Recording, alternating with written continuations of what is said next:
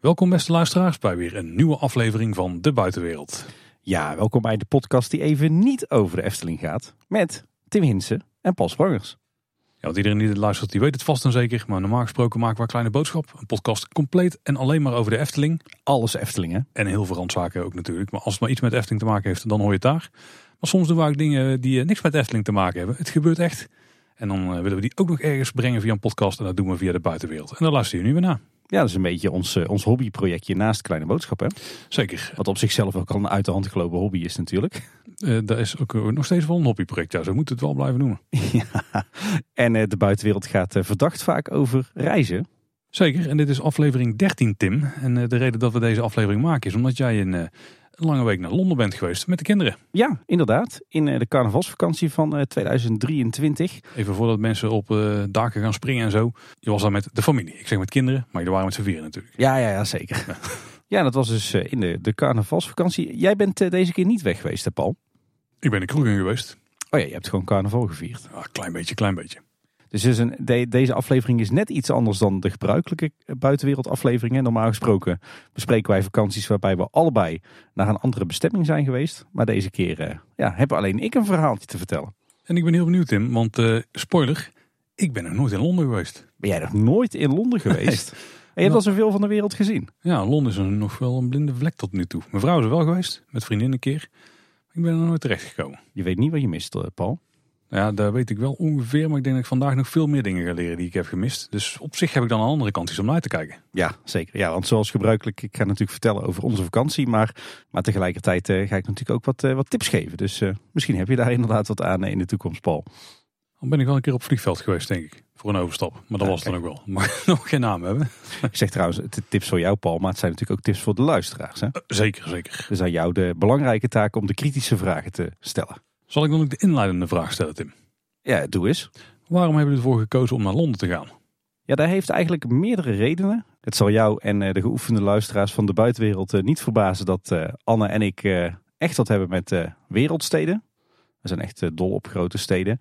En ik moet zeggen, de kinderen gaan het ook steeds leuker vinden. In het begin, toen ze nog echt jong waren, toen ze net geboren waren, dan, ja, dan zoek je als je met zo'n citytrip bezig bent, dan zoek je allerlei plekjes in een stad die dan ook leuk zijn voor kinderen. Hè? De speeltuintjes en de, de pretparken, dierentuinen.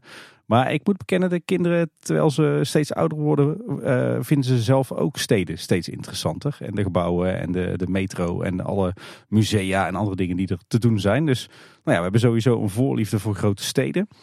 Eh, en als ik dan kijk wat we sinds de coronacrisis bezocht hebben, dan kom ik aan, eh, moet ik even heel hard nadenken. Eh, volgens mij Parijs, Stockholm, Berlijn, Wenen. Nou, op zich een mooie line-up. Ja. En daar past, eh, denk ik, een Londen toch op zichzelf ook eh, heel erg prima bij. Dat denk ik wel, ja.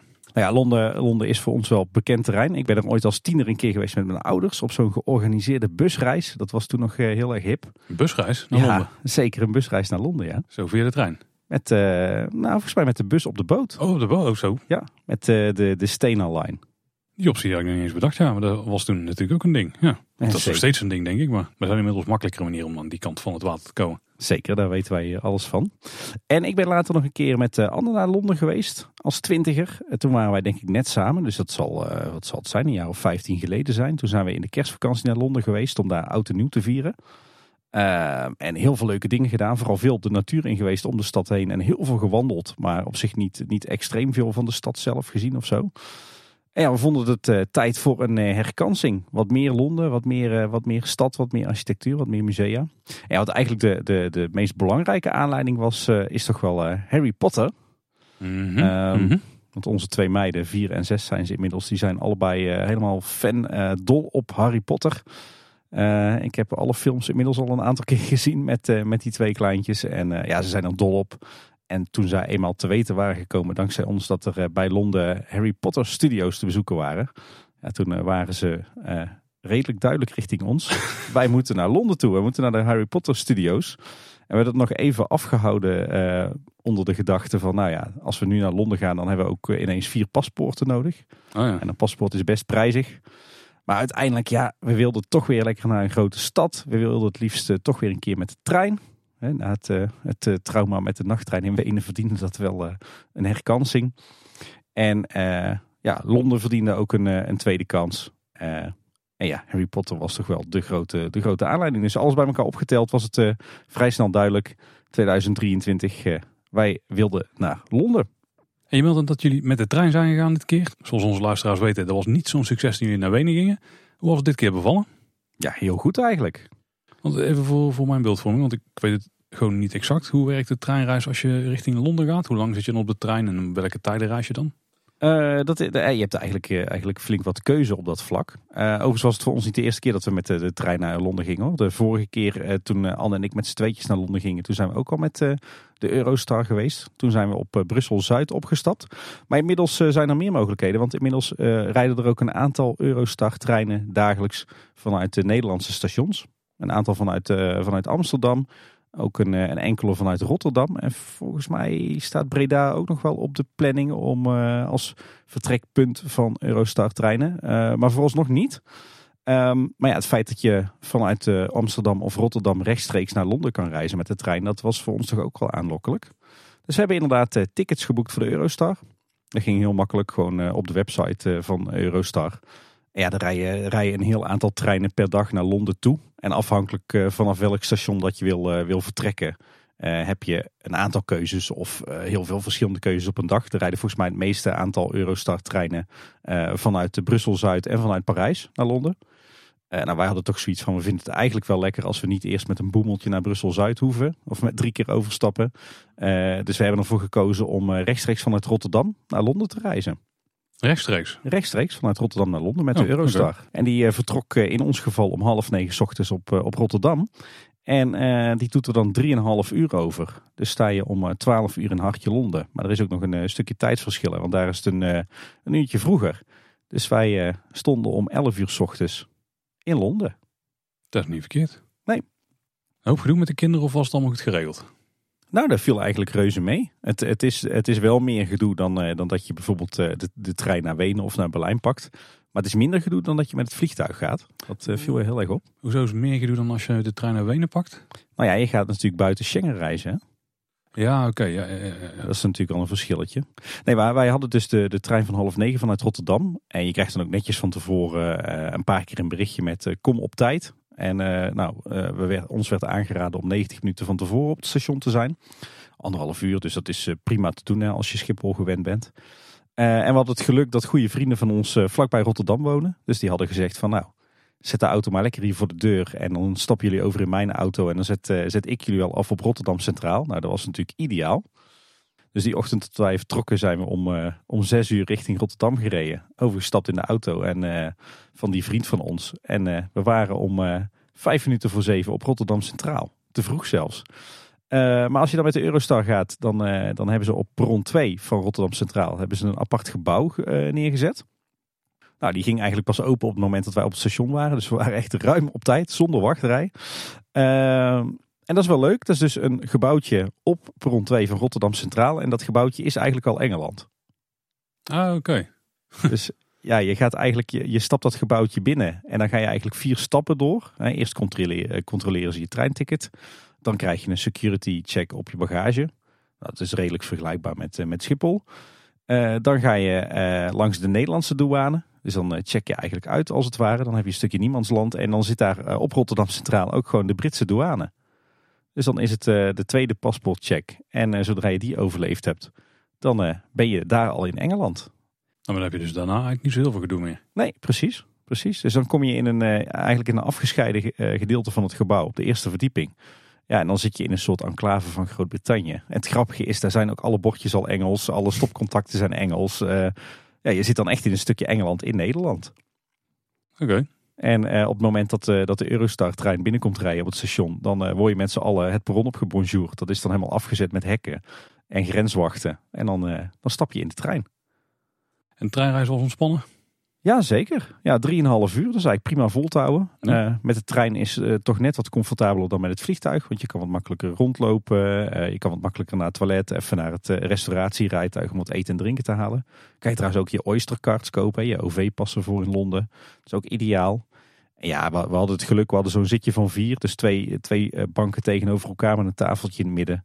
Ja, je neemt wat, uh, wat spullen voor de kinderen mee om mee te spelen, om mee te kleuren. En die, die drieënhalf uur is zo om eigenlijk. En van die tunnel, de kanaaltunnel, merk je eigenlijk helemaal niks.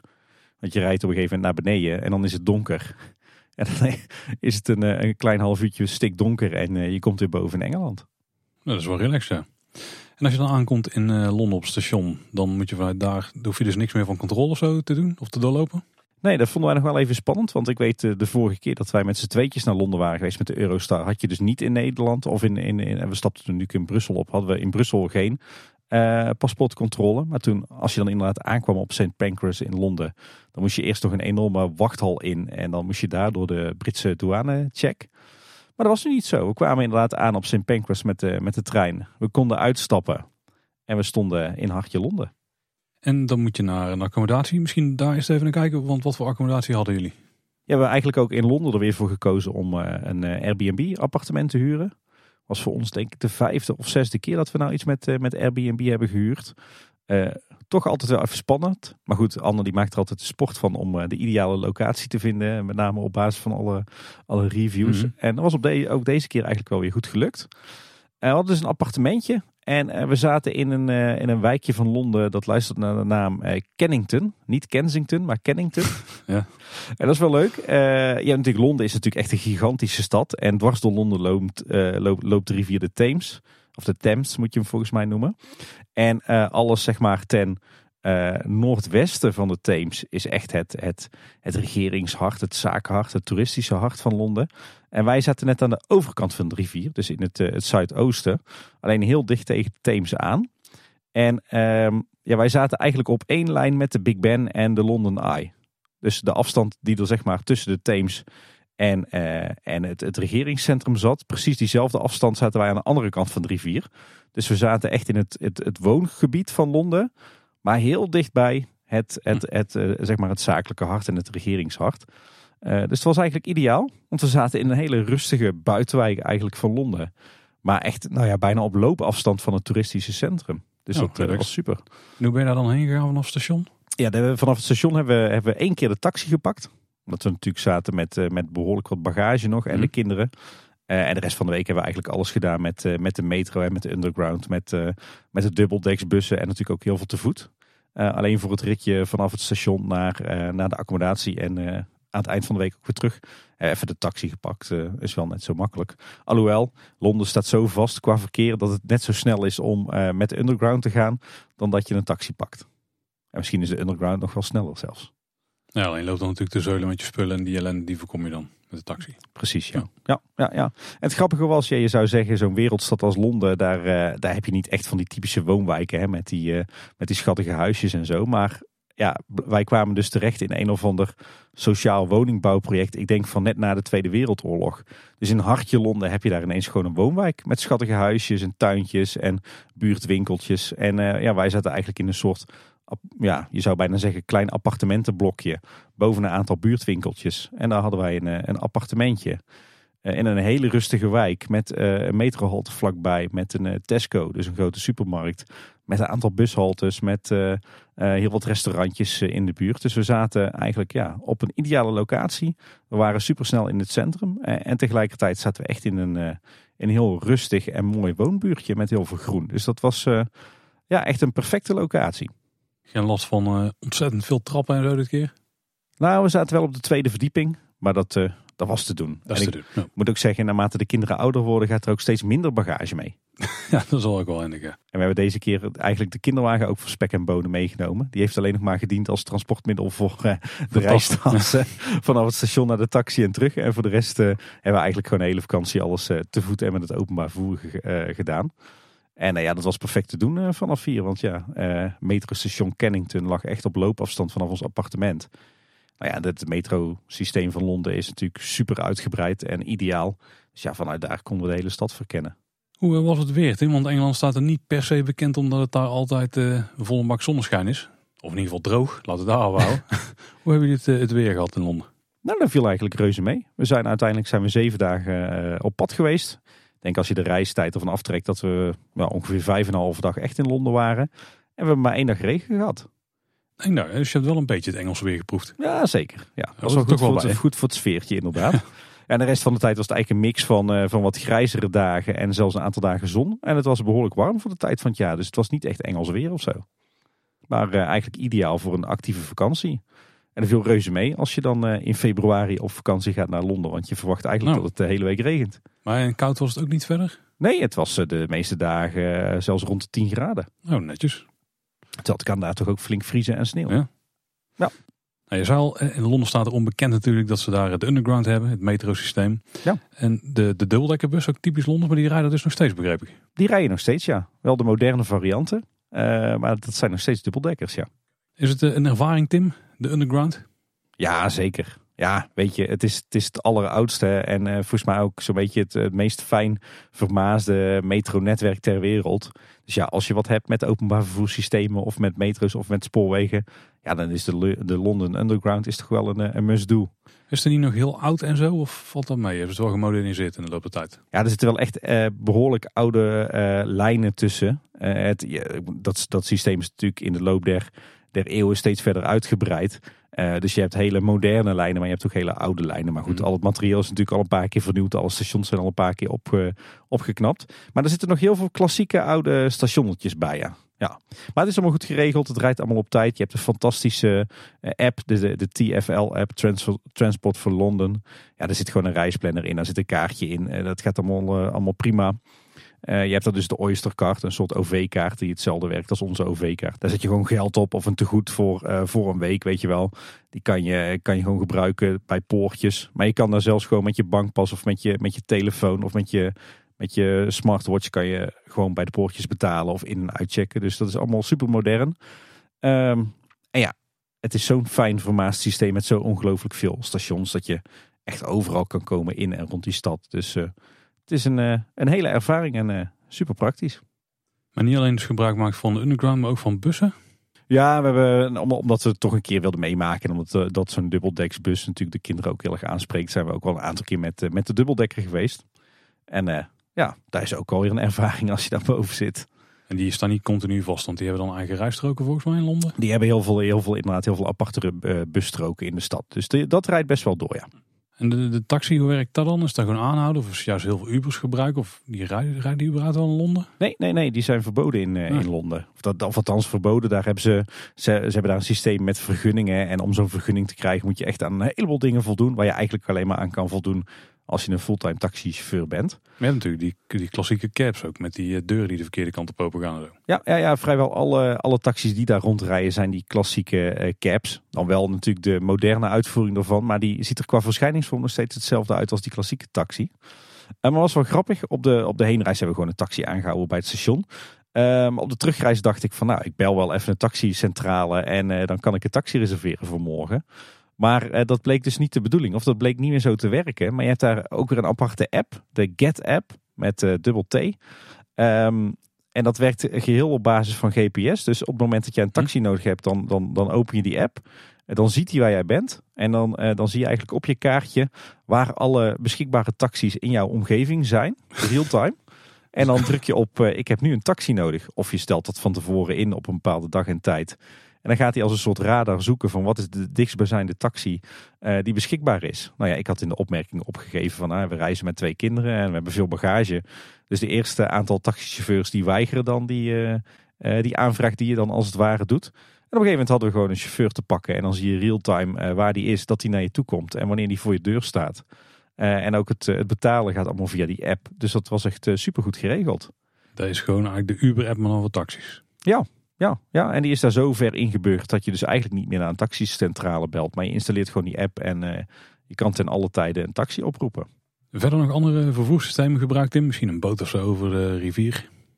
Nee, deze keer eigenlijk niet. Vooral heel veel in de underground gezeten en eh, heel veel gelopen.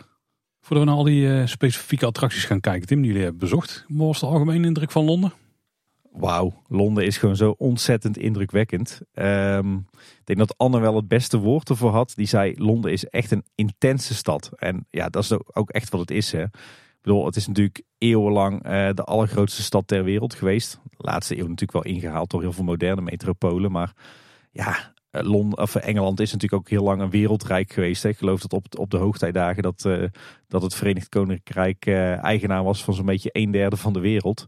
Ja, dat zie je ook echt aan die stad. Hè? Want die stad is gewoon zo ontzettend groot. En, en normaal gesproken heb je alleen in het stadshart heb je hele statige gebouwen. Ja, in Londen blijft dat maar doorgaan met al die brede lanen, al die statige gebouwen, al die regeringsgebouwen, die standbeelden, parken. Ja, het is echt gewoon een hele indrukwekkende stad. Waar zo ongelooflijk veel te doen is en waar het eigenlijk ook altijd wel druk is. Wij zaten er nu natuurlijk in het ultieme laagseizoen hè, in februari. Maar ja, het is, het is een stad, ja, er is altijd leven, het, veel toeristen, ehm, heel veel mensen op de been buiten op straat. Dus uh, ja, gewoon super indrukwekkend. En ja, wij zijn hier, uh, hier gewoon dol op. Uh, overigens ook wel grote contrasten in de stad hoor. Want ik moet zeggen, Hartje Londen is echt tip-top in orde. Staat er prachtig bij met al die mooie gebouwen en alles netjes onderhouden en schoon.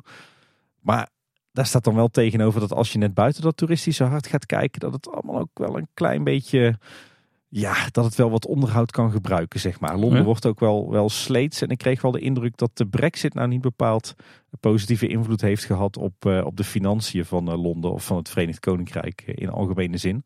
Want ja, de, net als het, de, de woonbuurt waar wij in zaten, ja, dat is niet wat je, wat je in Nederland, hoe het er in Nederland bij ligt, zeg maar. Hm. Dat was wel wat sleets. Maar ja, ergens ook een hele moderne stad. Want echt, heel Londen is cashless. Dus ik heb echt letterlijk geen pond aangeraakt. Ik heb ook geen geld gewisseld. Ik heb ook geen geld opgenomen. Ik heb eigenlijk de hele vakantie alles gewoon met de bankpas kunnen doen. Dat klinkt goed. Ze willen ook nergens meer cash. Dat is een beetje het tegenovergestelde van, uh, van de ervaring die we bijvoorbeeld in Berlijn hadden. Of in Wenen. Um, nou ja, het OV kan je dus ook gewoon als je wil gewoon doen met je telefoon of met je smartwatch. Ook echt uh, super fijn. En, en echt alles wordt thuis bezorgd in die stad. Je wordt echt, echt om de havenklap van je sokken gereden door, uh, door mannetjes en, uh, en ook, ook dames op, op fietsen die dan weer eten en drinken en dan weer boodschappen bij de mensen thuis brengen. Dus het is echt wel een, een mega moderne metropool eigenlijk. Maar ja, vooral ontzettend veel, veel te doen en te zien natuurlijk. En ja, zeker als je wat hebt met architectuur, stedenbouw, geschiedenis.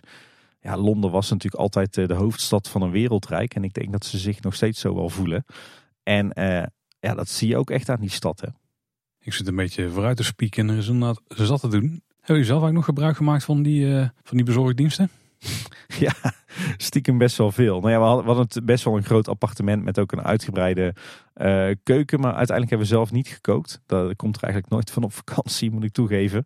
Maar uh, ja, best wel een aantal keer dat we, dat we echt een hele drukke dag hadden gehad. Dat we de hele dag uh, op pad zijn geweest met, met de kids. En allerlei verschillende toeristische attracties hebben gedaan. En dan kom je om zes, zeven uur s'avonds thuis en dan denk je... Oh jee, we moeten nu maar snel even eten regelen. Want nu nog uit eten gaan, dat is geen goed idee met die kids. Ze hebben best wel een aantal keren inderdaad gebruik gemaakt van, van thuisbezorgd of just eat, zoals het, zoals daar heet.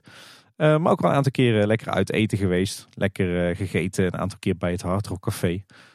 Vroeger moesten we daar niks van hebben, maar ik moet zeggen, nu met de kinderen erbij is het toch gewoon een favoriete locatie. En op wel meer plekken, plekken prima gegeten. Maar uh, ja, veel, uh, veel thuis laten bezorgen. dat is op zich natuurlijk het voordeel als je zo'n zo'n appartement uh, hebt, zo'n Airbnb appartement. Dat is gewoon een volwaardige woning. Wat natuurlijk betekent dat je ook prima gewoon op je gemak je eten in je appartementje kan oppeuzelen. Maar wel uit eten geweest nog? Ja, een aantal keren s'avonds gewoon lekker uit eten geweest. Veel, met name veel bij het Hard Rock Café eigenlijk. Oh, gewoon een classic weer. Ja, ja, ja. ja. ja op Piccadilly Circus zit volgens mij het, het allereerste en het allergrootste Hard Rock Café van Europa. Dus daar moesten we toch even langs. Wel, het begint ook vast te prik te worden, ja. Eh, ik moet zeggen, voordat we aan kinderen waren begonnen, hadden we altijd zoiets van, ja, pff, dat Hard Café, dat is toch een beetje een tourist trap, weet je wel. Je moet echt eten in de restaurants waar de locals ook eten. Maar ik moet zeggen, het is wel een lekker laagdrempelig restaurant. Je weet waar je aan toe bent. En uh, zeker met kinderen is dat uh, toch wel fijn als je weet van, oké, als we daar nou naartoe gaan, dan weten we in ieder geval dat het eten prima is. Dat er altijd wel uh, iets fatsoenlijks te eten is voor de kids. En niet te veel opsmuk of rompslomp. Gewoon eten, en weer door. En ja, dat sfeertje, ik, ik kan het wel hebben hoor. Ja, zeker. Dan moet het over de essentie natuurlijk gaan hebben, Tim, van jullie reis. Want wat hebben jullie nou allemaal gedaan? Ja, stiekem best wel veel in, uh, in die vijf en een halve dag tijd, uh, moet ik bekennen. Ik wil trouwens wel even wat rechtzetten, want we zijn natuurlijk uh, een tijd terug behoorlijk vakkundig gepersifleerd bij Kleine Boodschap door de mannen van Typisch Brabant podcast.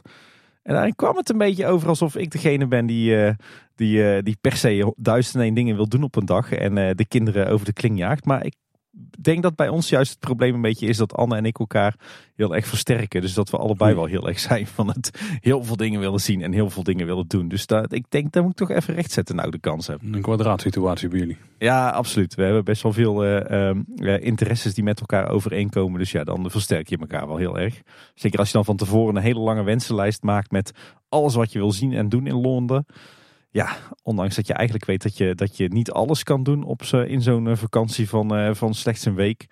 Proberen we dan toch altijd wel zoveel mogelijk af te tikken. En dan is het stiekem toch altijd wel weer net iets meer dan misschien uh, gezond is. Maar goed, ach.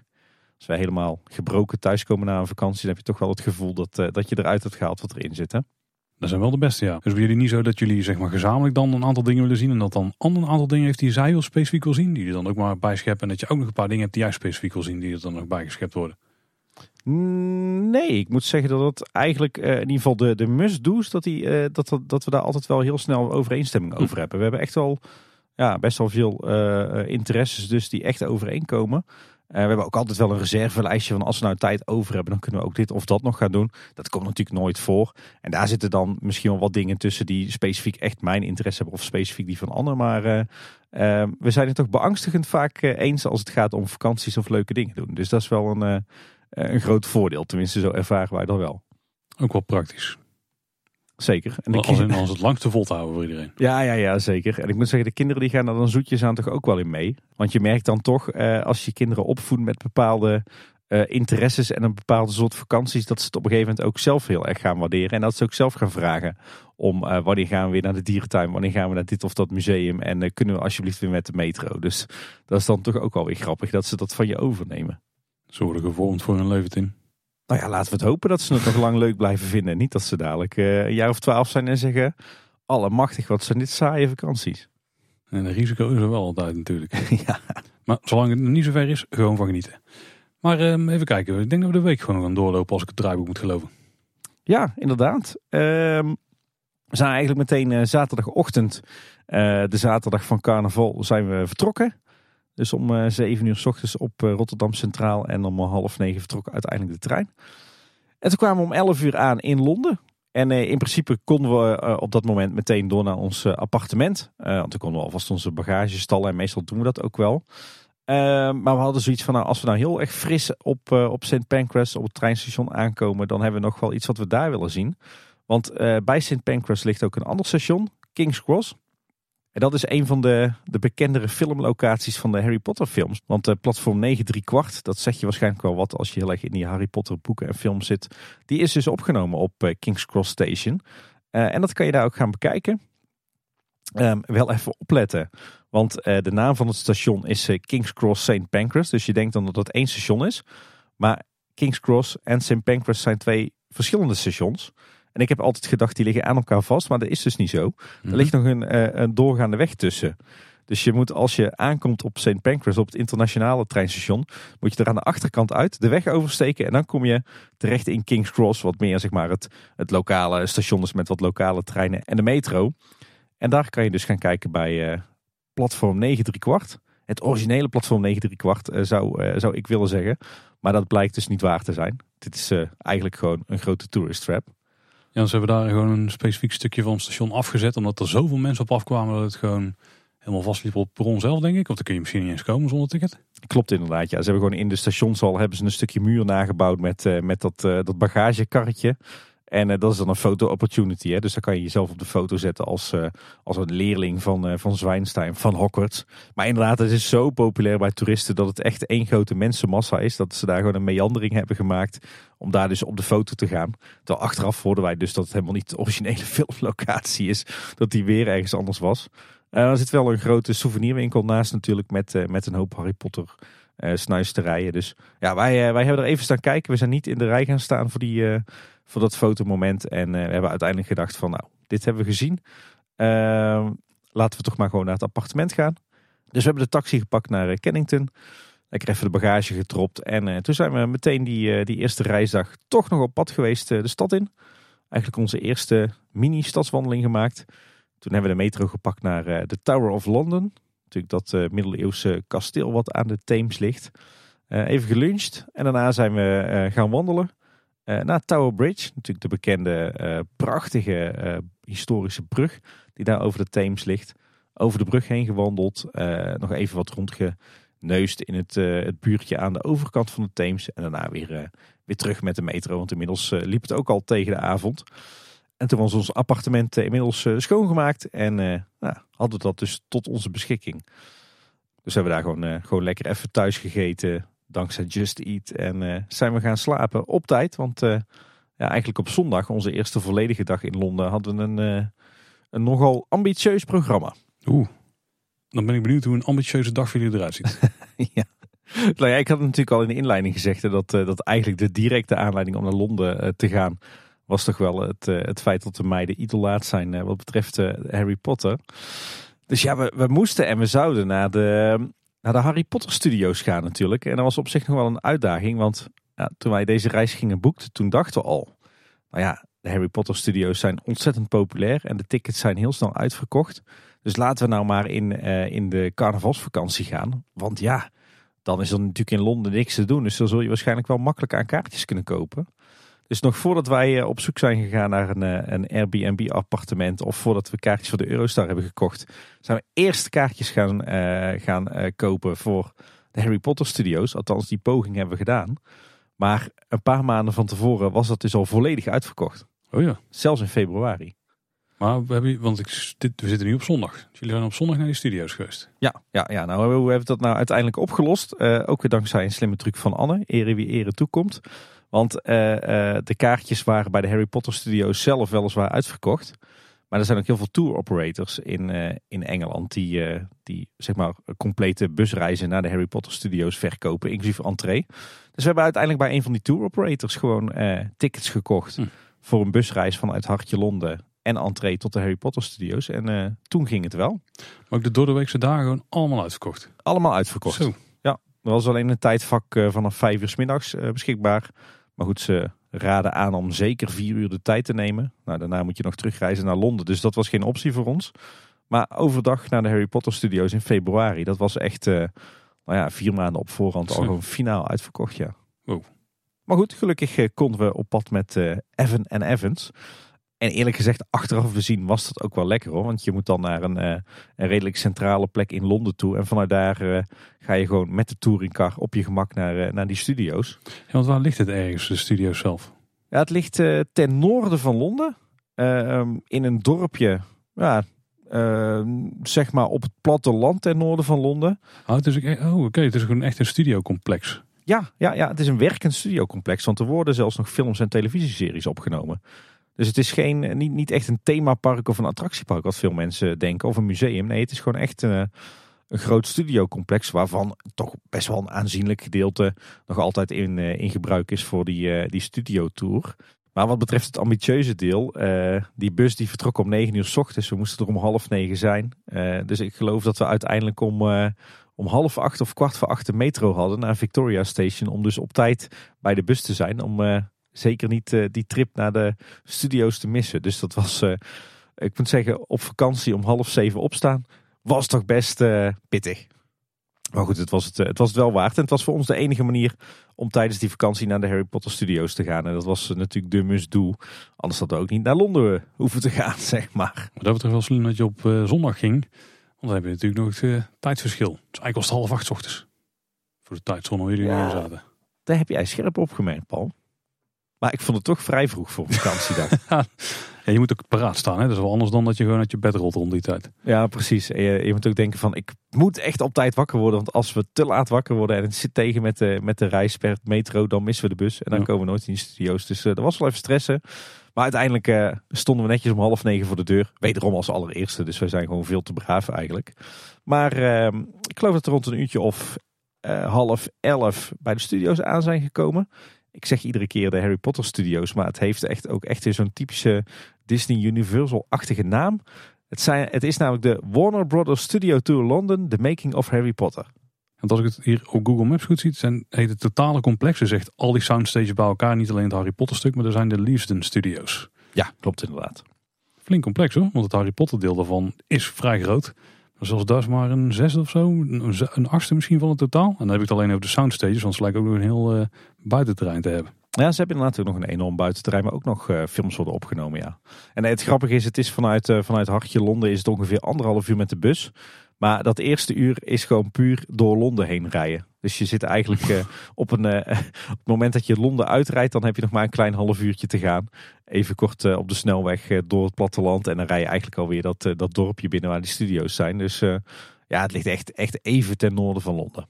Is dan ook nog zo dat terwijl je in de bus zit, dat ze misschien nog wat dingen aanwijzen die ook nog met films te maken hebben? Of dat niet? Nee, nee, nee. Dat was gewoon uh, saai in de bus zitten. En uh, nou ja, saai. Ik vind het dan leuk om een beetje te sightseeën, een beetje rond te kijken. Maar er, er zat verder weinig thema of educatie aan. Ik denk misschien laten ze dan nog een van die Harry Potter films zien in de bus, weet je wel, ter vermaak. Maar dat was ook niet zo. Maar er was, was buiten meer dan genoeg te zien. We kwamen trouwens ook nog ergens aan de buitenrand van Londen een of andere plak asfalt tegen waar ineens een heleboel achtbanen stonden. Maar dat bleek een soort, ja, een soort pretparkje te zijn altijd gedacht dat er in Londen geen pretparken waren, maar uh, was een soort permanente kermis. Geen bekende? Nee. Was overigens ook dicht eh, in de winter hoor, maar het, uh, ja, echt een plak asfalt met kermisattracties. Ik zit dus naar te kijken, maar er is daar ook een enorm parkeerterrein bij die studio's. Dat is voor mensen die gewoon met de auto komen, die misschien daar werken, denk ik. Maar hoe was het dan voor jullie? Gewoon een, grote busstop en dan kun je vanaf daar zo de studio in. Ja, je had, we werden afgezet echt voor de deur. En dan had je geloof ik iets van vier, vier en een half uur de tijd om om de studio's te beleven. En je kreeg gewoon het kaartje mee bij het uitstappen van de bus. Overigens kan je er ook, eh, als je geen auto hebt, kan je er ook naartoe. Want uh, je kan gewoon de, de, de, lokale trein of de metro pakken vanuit Hartje Londen naar het dichtstbijzijnde metrostation bij die studio's. En vanuit daar uh, rijdt gewoon een, gratis elektrische pendelbus van de Harry Potter studio's. Dus dat is allemaal super goed geregeld. maar wij vonden het echt ook wel makkelijk om gewoon rechtstreeks van het Hartje Londen met de bus daar voor de deur afgezet te worden. Ja.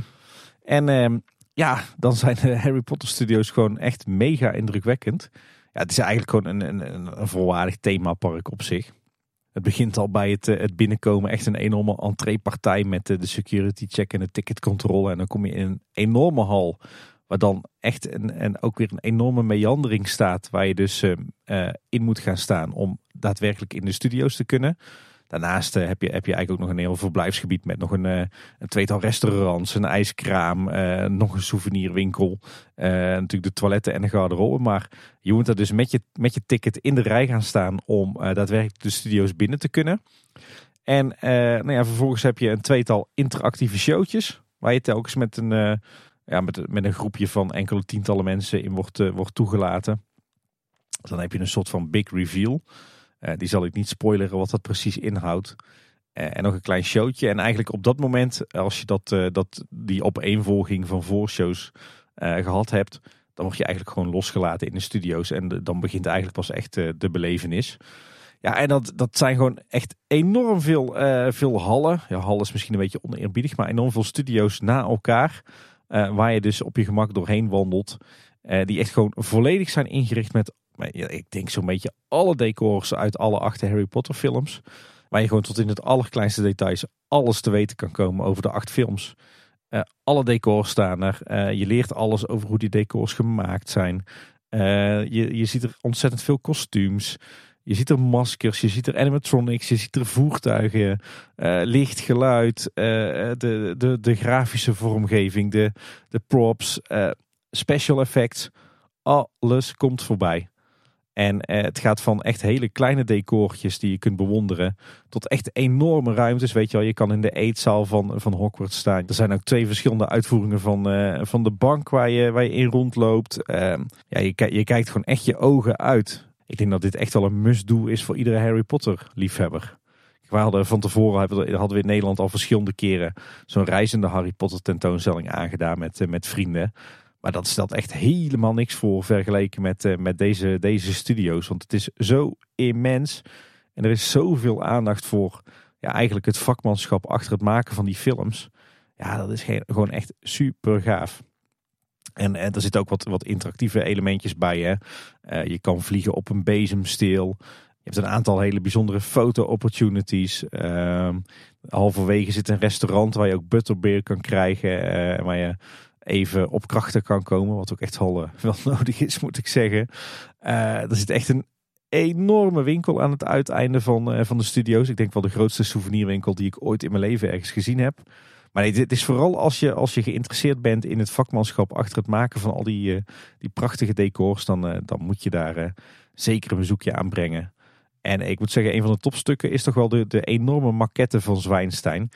Maquettes zijn altijd goed. Ja, dit is echt. Nou ja, goed. Jij hebt natuurlijk een tijd terug een aantal maquettes gezien die de Efteling ooit eens heeft gemaakt voor attracties.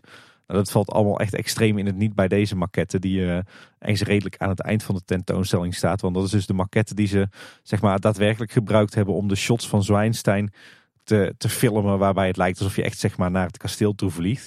Het is echt een enorme hal met een enorme maquette van Zwijnstein dus. En daar loop je omheen. Hoe groot schat je dat die maquette is? Ja, ik denk dat die maquette misschien wel 15 bij 15 meter Duh. groot is. Okay. Ik zat te denken aan 10 bij 10 en dat vond ik al gigantisch. Nee, nee, nee hij is echt nog, nog veel groter Oh, dan dat, oh. ja. Ja, ja, ja.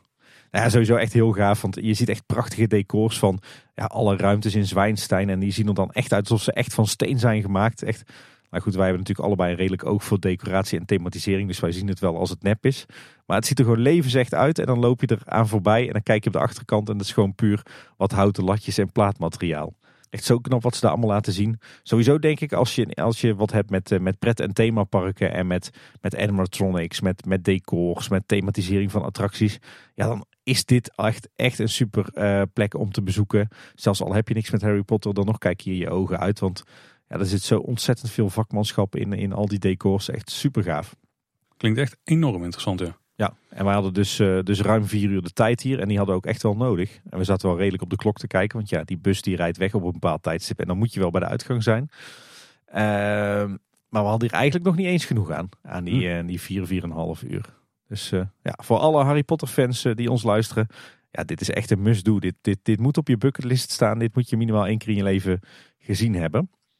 En ik geloof dat, dat het semi-permanent is. Dus ik zou bijna zeggen, als je hier nog eens naartoe wil, doe het, eh, doe het snel. Ik weet niet of en wanneer het stopt. Maar ja, het zijn natuurlijk uiteindelijk gewoon filmstudio's waar decors in staan. Dus wie weet hoe lang het eh, nog blijft staan.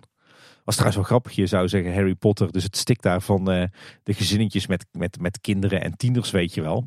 Maar je schrikt ervan de ongelooflijk veel dertigers en veertigers Oh ja. daar in hun tovenaarskleding rondlopen en staan te fanboyen en fangirlen. Als je ergens goede foto's kan maken, dan is het wel daar natuurlijk. ja, zeker. Ja, ik, eh, ik kan het altijd wel heel erg waarderen. Maar eh nee, als tof, want je bent eigenlijk omringd door honderden Harry Potter fans van over de hele wereld. Hoe laat was je nou uiteindelijk terug naar de busrit eh, weer naar Londen? Ik geloof dat wij om drie uur de bus hadden en om half vijf weer terug in Londen waren. Ah, Oké, Ja, je zei we wel een drukke dag voor de boeg, maar stond er nog meer op de planning? Nee, ik moet zeggen, daarna waren wij wel echt gebroken hoor. Kan als, ik me wel voorstellen, ja. als je 's ochtends om half acht eh, op pad moet met de metro en je komt om half vijf thuis en je hebt eh, vier uur door die studio's heen gesjouwd. Ja, dan ben je wel echt, eh, echt totaal gebroken. Zeker als je bedenkt dat ik de dag daarvoor om half vijf 's ochtends opstond. Om ervoor te zorgen dat we op tijd naar Rotterdam Centraal stonden. Of konden. Nou, dan, dan ben je wel echt geleefd hoor, na die twee dagen. ja, nou, ja. Wel al aardig wat kilometers eh, in de benen. Maar goed, dit, eh, dit was, het, eh, was het absoluut waard. Want ja, ik denk toch wel dat die Harry Potter Studios sowieso de meest toeristische attractie zijn van Londen. En voor ons ook wel de nummer 1 must-do deze vakantie. Doe ik misschien de stad mee tekort. Maar ja, als je Harry Potter fan bent, dan is dit toch wel echt een highlight hoor. ja, het was de reden om die kant op te gaan, toch?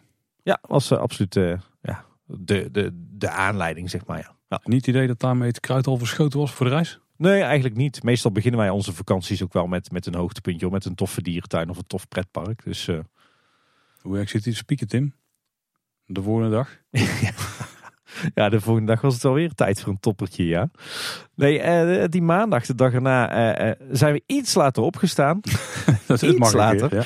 ja, eh, want het was eigenlijk alweer tijd voor nog een hoogtepuntje. Namelijk eh, de London Zoo. Eh, die hadden we de, de, de keer daarvoor dat we in Londen waren, 15 jaar geleden, ook al eens bezocht. Ja, als we dan toch naar een grote stad gaan waar een dierentuin zit, dan eh, komt die dierentuin natuurlijk ook zeker aan de beurt.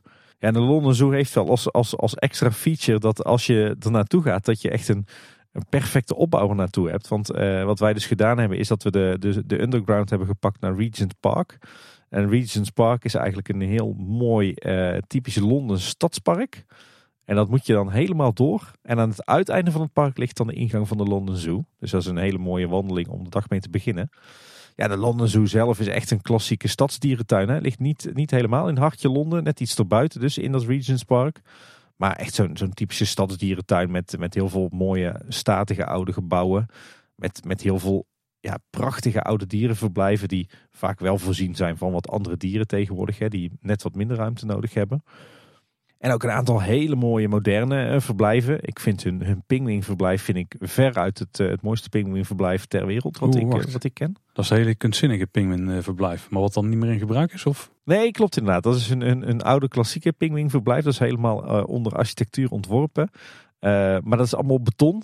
En dat bleek bij nader inzien toch niet zo goed voor de voetjes van die pinguïns te zijn. Maar die hebben ze wel nog steeds staan als een soort van kunstwerk of zo, toch? Ja, ja, ja dat is inderdaad eh, een monument. Dus dat is gewoon blijven staan. Maar dan zonder pinguïns erin. Er zitten volgens mij ook geen andere diersoorten in. Maar ze hebben nou een prachtig vervangend verblijf gekregen. Echt enorm groot en mooi gethematiseerd. En, en wat net nieuw was, was hun Indiaas eh, themagebied. Ehm, op zich natuurlijk ook een logische match. Hè, want India is natuurlijk heel, natuurlijk heel lang een kolonie geweest van, eh, van Engeland. Maar is ook echt prachtig met, eh, met eh, een enorm groot leeuwenverblijf. Met apen, met allerhande soorten vogels. En ja, ze hebben daar gewoon India nagebouwd. En dat is echt zo prachtig uitgepakt met ja, helemaal in thema. De beplanting, de, de verblijven, de gebouwtjes, de, de, de muurtjes, de voertuigen die er staan. De, het verhaal wat er wordt verteld. Ja, dit is echt wel eh 21ste eeuws eh, dierentuinverblijf. Hoor. Dat was ook wel echt een, een toppertje. Maar je hebt er ook super mooie klassieke gebouwen. Zoals bijvoorbeeld het, eh, het reptielenhuis. Waar dan ook weer een stukje van Harry Potter is, eh, is gefilmd. En Hm. eh, ja, gewoon een hele klassieke dierentuin. Waar op zo'n maandagochtend vooral heel veel Britse gezinnetjes rondlopen. En, en ouders met, met, met kindjes in kinderwagens. En je, kan, je hebt overal kioskjes waar je even lekker een bakje koffie kan kopen. En, en, dan gewoon een hele relaxe sfeer. En superleuke dierentuin met een heel breed dierenaanbod. en heel veel mooie gebouwen. Tijgers hadden net een paar welpjes die lekker actief waren. Dus dat was ook tof om te zien. En eh, ja, daar gewoon lekker de hele dag rondgestruind. En eh, uiteindelijk toch zo'n beetje de hele dierentuin kunnen zien. Het is niet extreem groot of zo, toch? Nou, het, het, het is geen Beekse Bergen of geen Burgers Zoo. Maar voor een, eh, voor een stadsdierentuin is hij eigenlijk nog best wel groot. Oké. Ik zit even de satellietfoto's te bekijken, maar ten opzichte van Regent Park, wat dan echt een enorm park is, dan is het daar maar een klein hoekje van op zich. Nou, ik zou zeggen, wandel het maar eens door. best uitdagend nog. Ja, het ziet eruit als best een lange boulevard daar naartoe, ja. Ja. Om het zo maar te noemen. Nee, maar de London Zoo is denk ik echt voor de dierentuinliefhebbers eh, ook wel echt een must-do als je dan toch in Londen bent. Echt de, de klassieke stadsdierentuin. En eh, nou ja, aan het eind van de dag hadden we nog wat tijd over. Ze hebben de metro gepakt naar Piccadilly Circus. Natuurlijk een van de bekende pleinen midden in eh, hartje Londen. Wat denk ik wel bij velen een, een heel erg bekend beeld is. Het is echt een soort van, ja wat zal het zijn, vijf of zes sprong. Eh, midden tussen de, de oude statige gebouwen. Met, eh, met allemaal van die, eh, die LED-schermen met allemaal reclame erop. Het is een beetje het, het Times Square van Londen. Ehm, en dan hebben we nog wat, wat rondgestruind, wat fotootjes gemaakt. Er stond nog een, een plaatselijke hip-hop groep stond een optreden te geven. Dus daar hebben we nog een tijdje bij staan, staan kijken. En daar werd onze oudste dochter uit het publiek gehaald om even mee te dansen. Dat was ook wel even een, een memorabel momentje. Die vond het zelf ook heel leuk om te doen. Eh, en uiteindelijk daar lekker bij, eh, bij de, het Hard Rock Café gegeten. En eh, ook weer veel te laat met de metro terug naar het huisje. Dat klonk wel weer als een goede dag. Voor de derde dag op rij gesloopt, zullen we maar zeggen. Maar wel ontzettend veel van, van de stad gezien, ja. Nou Tim, dan zijn we op de dinsdag aangekomen, maar ik mis toch nog een essentieel onderdeel van jullie vakanties. Ja, nou, wat zou het zijn? Ja, de stadswandeling natuurlijk. Ja, we hadden natuurlijk al wel eh, de, de buurt rond eh, de Tower of London en de Tower Bridge verkend op onze eerste dag. Maar inderdaad, eh, dinsdag was het eh, tijd voor een eerste echte serieuze stadswandeling. We dachten, hè, na een dagje Warner Brothers Studio Tour en na een dagje London Zoo, dan doe het even rustig aan. Mhm. Maar niet uit. dus nee, we hadden voor deze dinsdag een eh, stadswandeling in elkaar gepuzzeld. Aan de hand van wat reisgidsjes en wat, eh, wat plekjes die we nog wisten van de vorige keren dat we in Londen waren. Zelf even een route uitgestippeld. En we zijn eigenlijk ja, zo'n beetje door het, eh, het regeringscentrum en het toeristische hart van, eh, van Londen getrokken. Vanuit ons appartement in Kennington eh, lekker de bus gepakt. In, in de rode dubbeldekker gezeten en uitgestapt op Westminster Bridge. Natuurlijk de bekende brug over de rivier de Thames. Of de Thames. Bij, waarmee je uitkomt bij het, de Houses of Parliament. Met de Big Ben natuurlijk, de bekende klokkentoren. Daar eh, hebben we even rondgekeken en eh, de geëikte foto's gemaakt. En toen eh, zijn we eigenlijk het hele regeringsgebied doorgewandeld. Met alle verschillende ministeries. Met heel veel mooie standbeelden. En natuurlijk de, de bekende telefooncellen ook. Ook even wezen kijken bij Downing Street 10. Natuurlijk de, de woning van de, de Britse prime minister. Daar konden ik weet me nog te herinneren dat tijdens mijn allereerste bezoek aan Londen, toen ik nog een tiener was, dat je nog echt tot aan de voordeur van Downing Street 10 kon komen. maar inmiddels staat er aan het begin en aan het eind van de straat gewoon een, een groot hek met bewapende bewakers. Dus je kan, je kan de voordeur niet meer zien. Je kan alleen het straatje inkijken. Maar goed, dat moesten we toch even zien. Ehm, en uiteindelijk vanaf het regeringskwartier naar uh, St. James Park uh, gelopen. Een heel mooi stadspark met uh, pelikanen in de vijver. Dat is ook zo'n zo'n bekend beeld. Daar lekker door het park gestruind. Samen met, met een heleboel andere bewoners van Londen.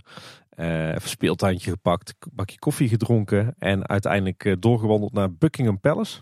Mm Natuurlijk het werkpaleis. Ik wou zeggen van koningin Elizabeth. Maar die, die leeft helaas niet meer. Inmiddels koning Charles natuurlijk.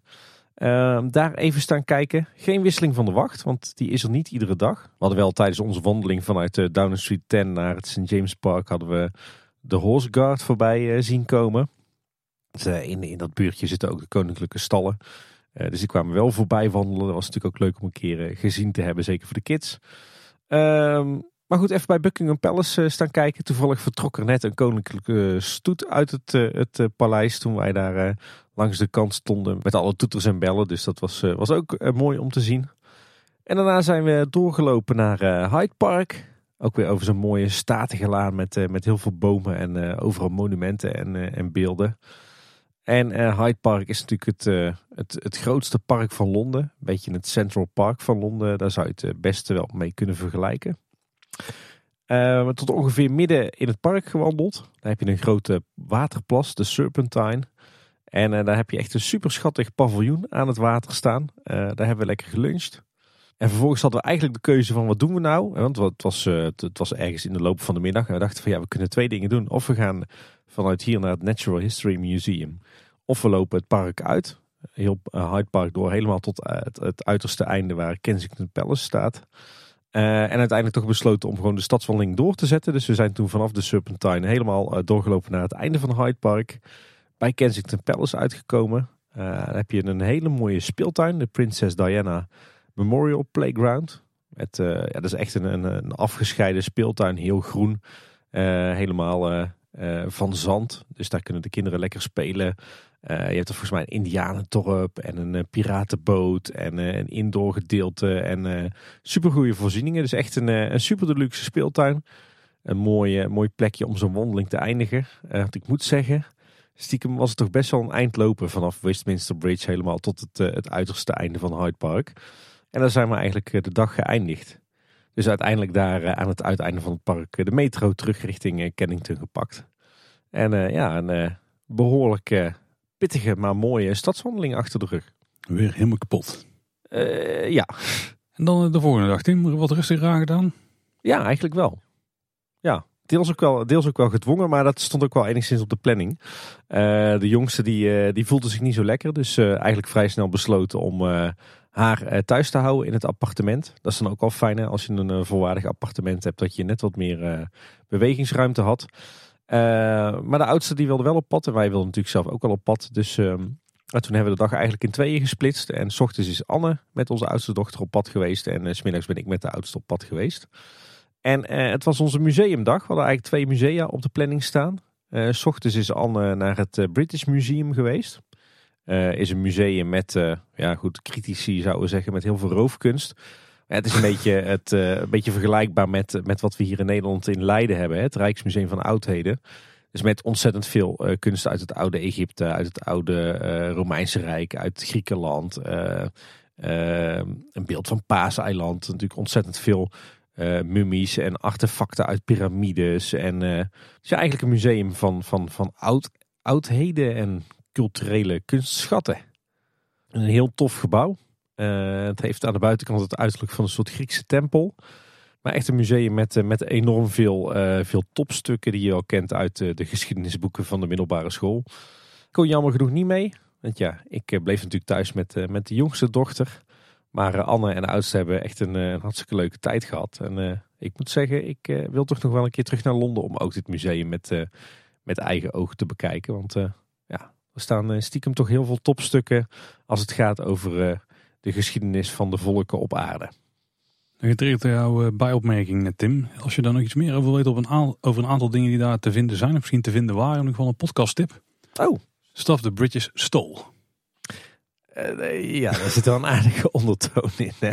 Nou, het is best interessant. Het gaat ook over eh, hoe ze heel veel van die spullen ook weer terugbrengen naar de plek waar ze vandaan kwamen. Want daar zijn ze wel mee bezig voor heel veel objecten. Ja, klopt inderdaad. Ja, de smiddags hebben we dus de rollen omgedraaid. En toen, eh, toen ben ik iets gaan doen wat echt wel een extreme nerdfactor heeft. Eh, luisteraars van Kleine Boodschap die kunnen zich misschien nog wel herinneren dat ik eh, ergens in het begin van dit jaar alles met, met Anne naar Woepertaal ben geweest om de Schwebebaan te doen. Mhm, mhm. Maar deze woensdagmiddag stond er iets vergelijkbaars op de planning. Want ik had namelijk onder meer via een redactielid van Kleine Boodschap, maar ook via een, een YouTube-serie die ik volg, eh, gehoord over de Mailrail. Wat eigenlijk een, eh, ja, je zou bijna kunnen zeggen, wat eigenlijk een soort metrosysteem is. Of in ieder geval een onderaards gangenstelsel onder Londen. Waarin eh, eh, tientallen jaren lang een posttreintjes reden. En die posttreintjes die zijn een aantal jaar geleden gestopt omdat het niet meer rendabel was. En nu kan je dus als, als passagier in een treintje plaatsnemen. En dan kan je dus ja, door onderaards Londen heen gaan als ware je zelf een poststuk.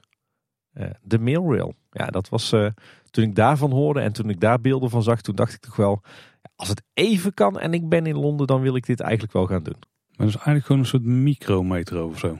Nou ja, dat is het echt de perfecte beschrijving, Paul. Kun je uitleggen hoe het eruit ziet of wat ik me bij moet voorstellen? Want was het iets zeg maar, wat voorheen al eh, met een bestuurder werkt of zo, of met een machinist?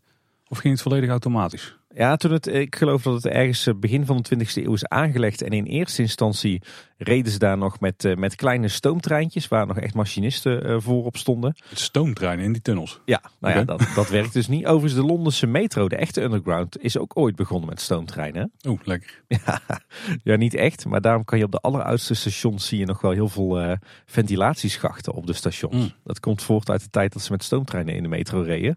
Maar goed, nee, dit is eh, volgens mij eh, ergens rond 1920, 1930 is die mailrail is eh eh geëlektrocuteerd. Nou, niet geëlektrocuteerd, geëlektrificeerd. Dat is het woord, geëlektrificeerd. Dat is beter dan die andere. Ja, precies. Dus vanaf die tijd reden er eigenlijk elektrische treintjes door die tunnels. Ja, het is wat jij zegt. Het is echt gewoon een microversie van de metro. Ja, het is eigenlijk gewoon een, een superleuke toeristische attractie eigenlijk. Of nou ja, heel toeristisch is het niet. Want je, ik denk dat het alleen de echte kenners zijn die het, eh, die het kennen. Maar nee, superleuk. Je maakt eigenlijk een, eh, een rondje door een aantal van die onderaardse gangen in zo'n treintje. Je zit er echt helemaal in opgevouwen. Alsof je een sardientje in een blik bent. Eh, en onderweg worden op de muren worden, worden wat, wat filmpjes geprojecteerd die uitleggen wat nou de mailrail is. Je rijdt door allerlei tunnels, je ziet allerlei rangeersporen en je komt langs verlaten stationnetjes. En nou, een klein half uurtje later ben je weer terug op het startpunt. Klinkt eigenlijk als een soort attractie. Ja, dat is het eigenlijk ook. Vet. Ja. En het grappige is, de mailrail is eigenlijk onderdeel van de Postal Museum. Eh, makes eh, sense, denk ik zo. Ja. Eh, alleen wat je op heel veel plekken ziet is, ja, je koopt een kaartje voor de Postal Museum, maar je gaat gewoon lekker in die mailrail en daarna ga je weer naar huis. Dus daar hield ik eigenlijk ook wel rekening mee. Maar sowieso, als je de mailrail dan hebt gedaan, dan heb je eerst nog, voordat je naar buiten loopt, ontzettend leuk klein museumpje over de mailrail zelf. Dus met, eh, met allerlei treinen die, eh, die daar op het spoor hebben gereden en allerlei apparatuur. Eh, stiekem al super boeiend. Maar ik vroeg aan dochter Lief van, ja, wat zullen we doen? Wil je nog naar het museum zelf van de post of wil je naar huis? Nou, ze wilde ook nog wel naar het postmuseum. Dus ik denk, ja, daar zijn we zo doorheen. Hè. Dat, wat is daar nou boeiend aan, het postmuseum? Maar dat was stiekem toch een verrekte leuk en ook eh, super kindvriendelijk museum. Wat eigenlijk ging over ja, de post, maar ook telegraaf en telefoon in Londen door de eeuwen heen. En het was super modern en leuk opgezet met postkoetsen, met motoren, met postbusjes, met, met telefooncellen, met eh, buizenpost, met telegraafsystemen. Met, eh, nou ja, je kan het zo gek niet bedenken. Alles wat maar een beetje met post of telefonie te maken had, eh, vond je in dat museum terug. Super mooi vormgegeven, echt super interactief. Ook een hele leuke speurtocht voor de, voor de kids. Eh, leuk restaurant op het einde. Dus dit was wat mij betreft echt wel een van de positieve verrassingen deze vakantie. Dus die combinatie van de Mailrail en eh, de Postal Museum kan ik echt wel, eh, wel aanraden. Ook als je met, met wat kleinere kinderen gaat. Was echt een, ja, een super toffe verrassing. De week is al ruim voor de helft over, Tim. Want we zitten al op donderdag. Ja, donderdag was alweer onze laatste volledige dag in Londen, jammer genoeg. De jongste die was gelukkig ook weer helemaal opgeknapt. En die wilde ook echt weer s ochtends op pad. Dus ja, we hebben er nog even, even goed van genomen tijdens onze laatste dag in Londen. En we zijn s ochtends eh, weer naar een museum geweest. We hadden veel musea op de verlanglijst eh, deze vakantie eigenlijk. Eh, maar we zijn naar het London Transport Museum geweest. Gaat het ook over de metro en zo? Ja, ja, Ah. ja. En eh, een museum, ja, de naam zegt het al een klein beetje natuurlijk, over het openbaar vervoer. Of misschien wel het vervoer in algemene zin in Londen door de eeuwen heen. En nou ja, stel je een beetje het Spoorwegmuseum in Utrecht voor. Maar minstens net zo mooi en eh, ook een stuk informatiever. Echt eh, ongelooflijk tof. Het is gevestigd in een, eh, in een mooi oud pand in de buurt van Covent Garden. Ook wel een plekje die zeker het bezoeken waard is. En daarin heb je gewoon op, op meerdere verdiepingen maak je kennis met de geschiedenis van ja, het, het transport en het openbaar vervoer in Londen. Dus je hebt inderdaad een heel groot gedeelte wat gewijd is aan, aan de underground, aan de metro. Maar ook postkoetsen, de omnibus, de dubbeldekbussen, de trams. Ja, eigenlijk al het openbaar vervoer eh, eh, in Londen komt voorbij. Van heel lang geleden tot en met nu. Dus er zit ook, eh, het gaat heel vaak over, over innovatie, over techniek, maar ook over grafische vormgeving. Ja, gewoon super gaaf. En ook hier weer een hele leuke speurtocht voor de kids. En ontzettend informatief ook voor de volwassenen. Dus dat kunnen ze wel echt in Londen. Je hebt daar heel veel kindvriendelijke musea. Die dus niet kinderachtig zijn. Wat, er, wat in Nederland nog wel eens veel voorvallen. Eh, ja, weet je, en dit was natuurlijk voor ons vieren een, eh, een museum om eh, de vingers bij af te likken. Hè? Ik bedoel, een heel museum over metro's, bussen, trams. Ja, dat is natuurlijk gegarandeerd kun- punten scoren. Hè? Ik zit hier even op plaatjes te kijken, maar die ziet er inderdaad al heel vet uit. Wat een enorme diversiteit aan bussen bijvoorbeeld zijn er alleen al geweest. Of busachtige transportsystemen, want sommige zijn nog paard getrokken. Ja, ik weet zeker dat jij hier ook de tijd van je leven zou hebben. Bo. Ik denk het wel, ja. Had ook een hele toffe, toffe eh, mini-tentoonstelling, een tijdelijke tentoonstelling over, eh, over eigenlijk eh, Hidden Londen. Dus nou ja, met name veel in onbruik geraakte metrotunnels en metrostations onder Londen. Ja, die dus nu niet meer toegankelijk zijn. En wat daar dan gebeurt. Vrij spooky ingericht. Een soort half Halloween doorloopspookhuis, maar ook weer extreem informatief. Zo kwam ik er daar dus achter dat ze oude metrostations gebruiken als een soort van, voor een soort van stadslandbouw. Dus daar kweken ze gewoon groentes in. Maar je hebt ook eh, een, een oud metrostation wat al jaren niet meer gebruikt wordt. Wat ze gebruiken als, eh, als filmstudio. Dus als er weer eens eh, een of andere film zich in een metrostation moet afspelen. Echt super, super boeiend. En ook hier weer een leuke kinderhoek en een leuke speurtocht. Dus, dus nee, je kan hier denk ik met gemak een halve dag vullen. Hebben wij ook gedaan. Ik denk dat wij ook nog wel wat langer hadden kunnen blijven. Maar ach ja, we hadden zoiets. We moeten door. We willen nog wat, wat dingen zien op onze laatste dag. Dus we zijn daarna nog een derde stadswandeling gaan maken. Eh, eerst even rondgekeken in Covent Garden, waar dus ook het London Transport Museum ligt.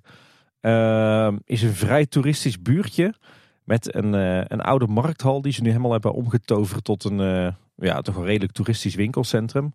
Maar je, je ziet daar echt nog wel die oude markthal in terug. Dus het is echt een super tof sfeertje. Daar in de buurt ook even geluncht bij een, een bakkertje. En uiteindelijk doorgelopen naar Leicester Square. Wat ook een van de grotere pleinen is, eh, is in Londen. Ehm, daar natuurlijk even op de foto gegaan met eh, de beeldjes van Harry Potter en van, eh, van Beertje Paddington. Beertje Paddington is momenteel ook wel eh, Ja. eh, populair in ons gezinnetje. Dus nou ja, in dat park wat je daar op Leicester Square hebt, daar staan allemaal bronzen beelden van bekende Londense of Engelse filmpersonages. Mr. Bean staat er bijvoorbeeld ook. Ehm, maar ook een aantal beroemde winkels eh, rondom dat plein. Waar we ook even binnen zijn geweest. We zijn even in de M&M shop geweest. Volgens mij de grootste M&M winkel ter wereld. En in de Lego store. Die eh, was ook leuk, maar die was wat minder indrukwekkend. Eh, en toen hebben we nog een rondje gelopen. eh, nog even op Trafalgar Square eh, gaan kijken. Ook een enorm eh, groot eh, plein. Heel druk qua verkeer. Maar dan staat die enorm hoge zuil. Met daarop eh, eh, een van de Britse ontdekkingsreizigers. Ook een tof doorkijkje naar de Big Ben. Heel, eh, heel gaaf plekje in de stad. Ehm, en weer terug naar Leicester Square. Door Chinatown gewandeld. En uiteindelijk doorgelopen naar Piccadilly Circus. Waar we natuurlijk eh, eerder die week ook al waren geweest. Is een heel, heel tof rondje eigenlijk zo. Covent Garden, Leicester Square en Piccadilly Circus. Is ook prima te combineren. En eh, daar hebben we uiteindelijk nog even een keer gegeten bij het Hard Café. Ja, toen hebben we de metro naar huis gepakt voor de allerlaatste keer. Voor de allerlaatste keer. Dus op vrijdag was het echt gewoon terugreis en geen... eh, je kon niks meer bezoeken die dag. Nee, inderdaad. We hadden om half één de, me uh, de metro, wou ik zeggen. Nou ja, het is natuurlijk ook een soort uit de kluiten metro. Maar nee, we hadden om half één de, de Eurostar terug naar Nederland, terug naar Rotterdam. En je moet ook dan weer 90 minuten van tevoren op St. Pancras zijn. Dus ja, we hebben gewoon de ochtend gebruikt om te ontbijten, in te pakken. Het appartement schoon op te leveren en met de taxi naar het station. En wat wel fijn was, is als je dan eenmaal in op, eh, op St. Pancras, zeg maar, door de security check en de douane bent, dan heb je daar wel een eh, hele grote vertreklounge. Die je best wel zou kunnen vergelijken met een vertreklounge op een, eh, een vliegveld. Dus daar heb je nog wat, wat winkeltjes en wat restaurantjes. waar je even kunt zitten in afwachting van het vertrek van de trein. Wel even een traumatisch momentje, want we werden omgeroepen. Oeh. Mr. Hinson, can you come to the information desk? Ehm, nou ja, met de, de nachttrein vanuit Wenen naar huis in het achterhoofd, was het toch even schrikken. Maar het bleek dat, uh, dat uh, de plekjes die wij gereserveerd hadden in de Eurostar, dat die door de, uh, eigenlijk tijdens de treinreis daarvoor gesloopt waren. Dus dat ze ons even moesten omboeken naar een ander treinstel. Hm.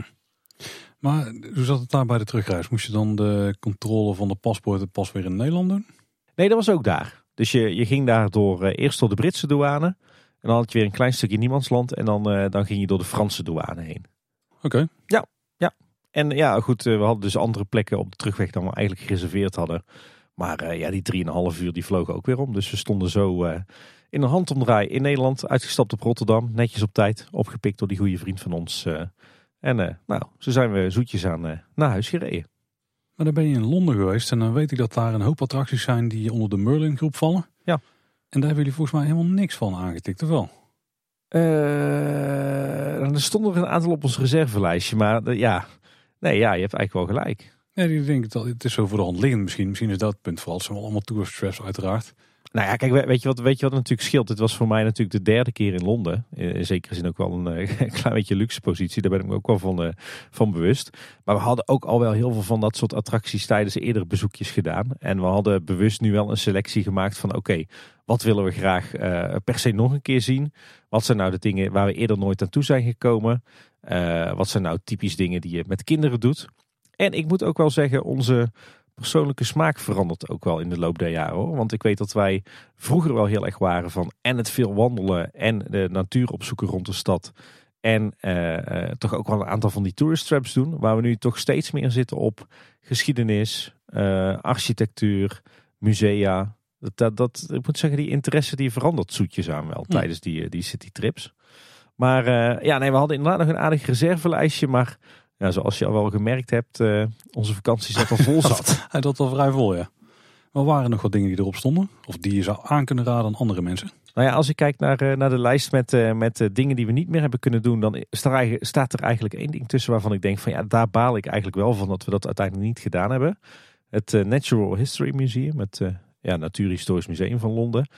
Want dat ziet er toch wel heel gaaf uit. Er zit ook weer echt in zo'n klassiek gebouw en echt zo'n ja, zo'n typisch ouderwets natuurhistorisch museum. Waar we natuurlijk uh, de afgelopen citytrips wel een aantal van aangedaan hebben. In uh, Stockholm en Berlijn en Wenen. En ja, deze past ook wel mooi in dat rijtje thuis. Maar goed, uh, uiteindelijk dus toen we in Hyde Park stonden de keuze gemaakt om maar verder te wandelen. Achteraf gezien een klein beetje spijt van. Want, want ik denk bijna erin zien dat we toch beter voor dat museum hadden kunnen kiezen. Moet wel een van de mooiste van de wereld zijn, toch? Ja, ja, ja, Museum daar, ja. ja, wrijf er nog maar even in, Paul. En ik ben er ook niet geweest, hè, dus uh, nee, lekker terug. Ja, precies. Nee, dus dat, die stond wel echt op de, op de reservelijst. En uh, stel, we gaan over een tijdje weer terug naar Londen, dan, dan gaan we die zeker bezoeken. Ja, en verder, ja, er zijn natuurlijk wat, wat plekjes waar we wel zijn geweest, maar waar we niet de tijd hadden om te verdiepen. Hè. We zijn wel langs de Tower of London gelopen, maar daar, daar kan je ook mooie rondleidingen doen. Kan jij me helpen, Tim, met een vraag die ik al heel lang heb? Vertel. Waarom heet het de Tower of London? Het is toch niet eens een toren? Als in een toren voor mij, die moet hoger zijn dan dat die breed is. En dit gebouw, nou, ja, tenminste ik neem aan dat het binnenste deel dat dat dan mogelijk de toren is, maar... Nou ja, ik denk dat het een beetje een vertekend beeld is. Want de Tower of London is, is een van de uh, weinige middeleeuwse kastelen die nog over is ter wereld. Uh, en inmiddels staat het helemaal ingebouwd met, door Tower Bridge en door uh, zeg maar de oevers van de, van de rivier de Theems.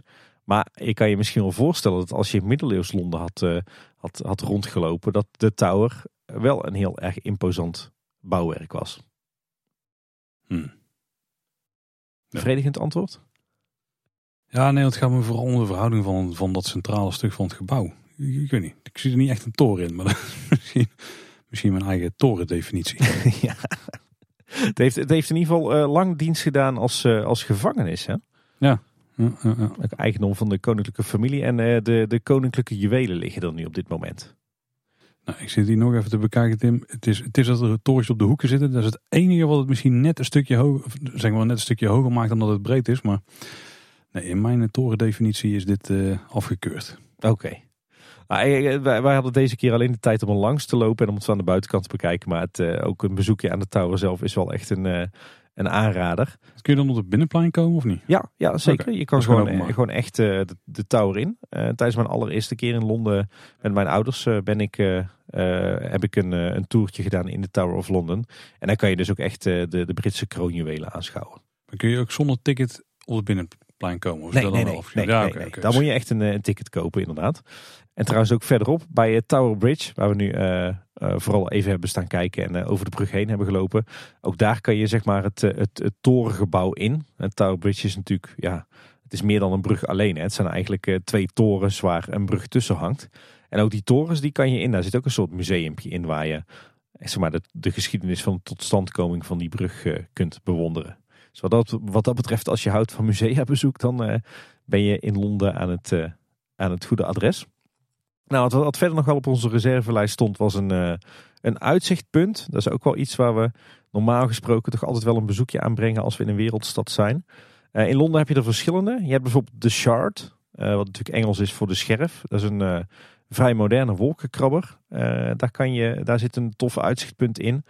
Maar je kan ook naar Sky Garden. Dat is volgens mij een gratis uitzichtpunt. Moet je wel maanden van tevoren al een kaartje voor, eh, voor reserveren. Dat zit ook in een, eh, in een wolkenkrabber met heel veel glas. En dat is een soort, ja, soort indoor tuin of een soort kas eigenlijk waar je, van waar je over Londen uitkijkt. Eh, ook op ons reservelijstje stond nog eh Leadenhall Market. Wat een, een beetje een, ja, een middeleeuwse aandoend winkelgebiedje is. Ligt in de buurt van de Tower Bridge. Eh, en eh, de weg is weg Hm? in, eh, in de Harry Potter eh, serie. Die is daarop geïnspireerd. Oeh. Dus dat is ook wel mooi om te zien. Als je in Regent's Park bent bij de London Zoo, dan kan je ook naar Primrose Hill. Dat is een, een heuvel die ten noorden van London Zoo ligt. Vanuit daar heb je ook een heel mooi uitzicht over de stad. Ja, je had het al even over de Merlin-attracties. Maar wat ook nog bij ons op de verlanglijst stond voor eh, de dag waarop we een bezoekje brachten aan onder meer eh, Westminster Bridge en de Big Ben. ehm, is dat je aan de overkant van de Theems, dus eh, hè, de, de kant eigenlijk waar ons appartement ook lag, daar staat de London Eye, het, eh, het enorme reuzenrad. Die stond ook al op ons wensenlijstje, maar toen wij zagen hoe duur dat het was, toen dachten we, nou, laat maar zitten tenzij we echt eh, geld of eh, tenzij we echt tijd over eh, hebben. Weet je wat het kostte? Ja, eens een gok. Met z'n viertjes een ri- rietje, eh, een rondje op de London Eye. Eh, 50 euro of zo? Ging richting de 200 euro. Ja? Ja. oh ja. Laat Oké. maar zitten dan. Ik dacht dat de pond vrij gunstig stond, maar dat valt dan toch ook tegen. Ja, de pond staat vrij gunstig, maar eh, ze hebben wel door dat duur. ze, dat ze een eh, tourist trap zijn, zeg maar. Ja, je kunt wel zo'n Merlin card kopen, toch? Dan krijg je volgens mij zo'n soort combi deal. Dan kun je meerdere attracties in of zo. Ja, klopt.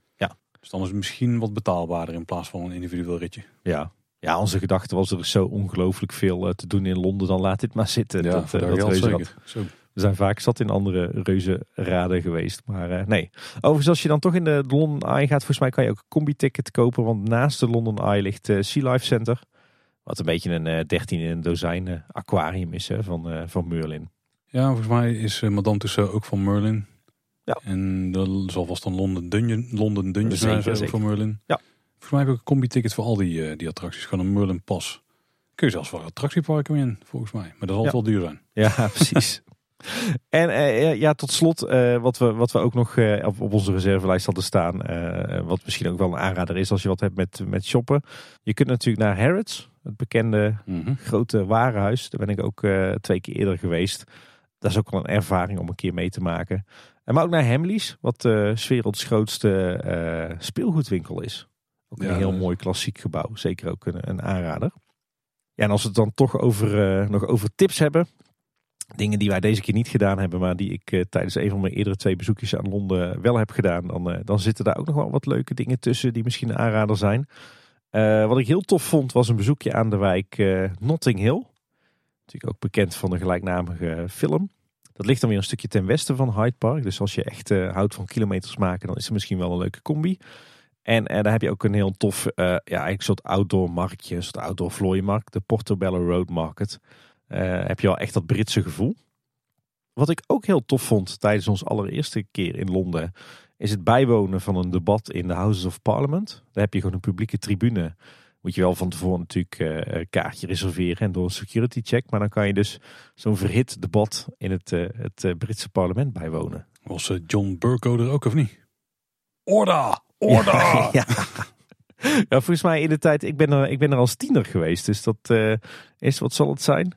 Nou ja, dat is Nou, zeker twintig jaar geleden. Dus zal hij nog niet hebben gezeten. Nee, nee, nee, nee. nee. Ah, die heeft het wel lang gedaan volgens mij. Maar wel, eh, wel echt, eh, het is nog steeds wel een, eh, een moment wat ik ontzettend goed kan herinneren. Dat was wel echt super indrukwekkend. Nou, Burko zat er vanaf 2009. Dus hij was net te vroeg. Ja. Ehm, ja, verder, jij, jij haalde het al wel aan. Eh, Madame Tussauds, daar ben ik ook een keer geweest. Er ligt natuurlijk de, de originele Madame Tussauds vestiging in Londen. Ook volgens mij de, de allergrootste vestiging. Eh, zeker een bezoekje waard. En eh, de London Dungeon ben ik ook een keertje geweest. Ehm, volgens mij ook de allereerste dungeon. En ja, van de dungeons die ik heb gedaan op de wereld. Toch misschien wel de meest authentieke, de meest historische. En zeker ook de, de engste. En die is namelijk gebouwd in een oud metrostation wat niet meer gebruikt wordt. Oh, dat is wel een goede plek. Een beetje een shabby hoekje van Londen. Dus eh, ja, ik denk als ik terugkijk naar eerdere vakanties aan Londen, dat, eh, dat de London Dungeon toch wel echt een, eh, een hoogtepuntje was. Wat trouwens ook tof is, is om een keertje over de Wobbly Bridge te lopen.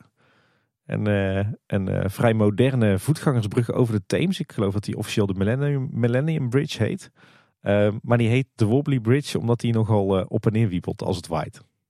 Hebben ze inmiddels geloof ik wel eh, redelijk verholpen. Maar eh, Dat is een vrij moderne brug, toch? ah, dat is ook wel echt, echt een, een belevenis. En wat wij trouwens ook gedaan hebben in de tijd dat wij, wij echt nog dol waren op hele einde wandelen, is de metro pakken naar Greenwich Park. Of Greenwich moet ik dan volgens mij zeggen. Mhm. Waar de nulmeridiaan loopt. Hè? Dus zeg maar, Oh, het, ja, eh, ja. het, wat is dat? Het, het middelpunt van de tijd eigenlijk. Hè? De, de, de nullijn. De Greenwich Mean. Inderdaad. Ook een prachtig eh, stadspark. Mooi op een heuvel met heel veel eekhoorntjes. Prachtige bomen, prachtige oude gebouwen. Planetarium. Echt wel een gaaf plekje wat eh, een, een eindje buiten de stad ligt. En vanuit daar kan je een hele mooie wandeling langs de Theems maken. De Thames Path. Of Thames Path, moet ik dus zeggen eigenlijk. Eh, ja, dan kom je eigenlijk, eh, maak je een, een behoorlijk lange wandeling naar het centrum van Londen, richting de, de Tower Bridge. En dan kom je langs wat eh, interessante gebiedjes, zoals Canary Wharf, een oud, Mhm. oud havengebied. Wat ze nu helemaal, ja, helemaal hebben opgeknapt en waar er nu heel veel kantoren te vinden zijn. Maar dat, dat ziet er ook allemaal prachtig uit. Heel mooi om te zien hoe dat, dat allemaal is, is herbestemd. Dus is ook wel een, een aanrader vanaf Greenwich Park naar Londen lopen langs de Theems. En dan denk ik dat ik toch eh, zo'n beetje alle Londen tips wel gehad heb. Maar ik denk als je op je gemak alles wilt doen, dat je twee of drie weken nodig hebt. Zo klinkt het wel, ja. Zo. En jullie hadden flink eh, de pas in zitten. Ja, we hebben best wel veel gedaan in dat weekje. En ook heel veel dingen die we dus nu niet gedaan hebben. Maar eh, ja, nee, ik ben het wel eens met Anne's samenvatting. Londen is een intense stad. Ja, volgens mij zijn er daarnaast ook nog nou, technische musea. Als je er eh, zeg maar een specifiek onderwerp hebt waar je iets van geeft, dan zal er vast een museum van zijn in Londen. Ja, die stad die is gewoon echt, echt bizar, bizar groot en bizar druk. Het is echt met recht een wereldstad. Buiten dat dit een eh, intense stad is, Tim, nog andere conclusies te verbinden aan jullie tripje? Nou, ik, ik schrok er wel van hoe groot de contrasten zijn in Londen eigenlijk. Je verwacht bij Londen een hele mooie, clean stad. Alles tip-top in orde. Maar ja, je zag nu toch wel dat als je dan net even buiten dat toeristische centrum gaat, dat, er, eh, dat het eh, op plekken best wel een beetje shabby is eigenlijk. Daar schrok ik wel van. Ja. Maar goed, eh, had geen negatieve invloed op, mijn, op onze vakantie hoor. Ik vind het ook altijd wel, wel lekker als je ook het ware gezicht van de stad ziet. Ja, en verder, ik, ik had gedacht in Londen is iedereen gejaagd en zakelijk en zo. Maar eigenlijk zijn Londoners eh, best wel aardig en vriendelijk en behulpzaam. Heel, eh, heel fijn. Ik eh, moet zeggen dat ik eh, Britten ook wel een, een fijn soort mens vind. Zolang een voetbalteam het maar goed doet, hè. Voetbal, wat is dat ook alweer? Dat is dat je zo'n helm op moet en zo'n heel breed pak. Ah, dat is andere voetbal.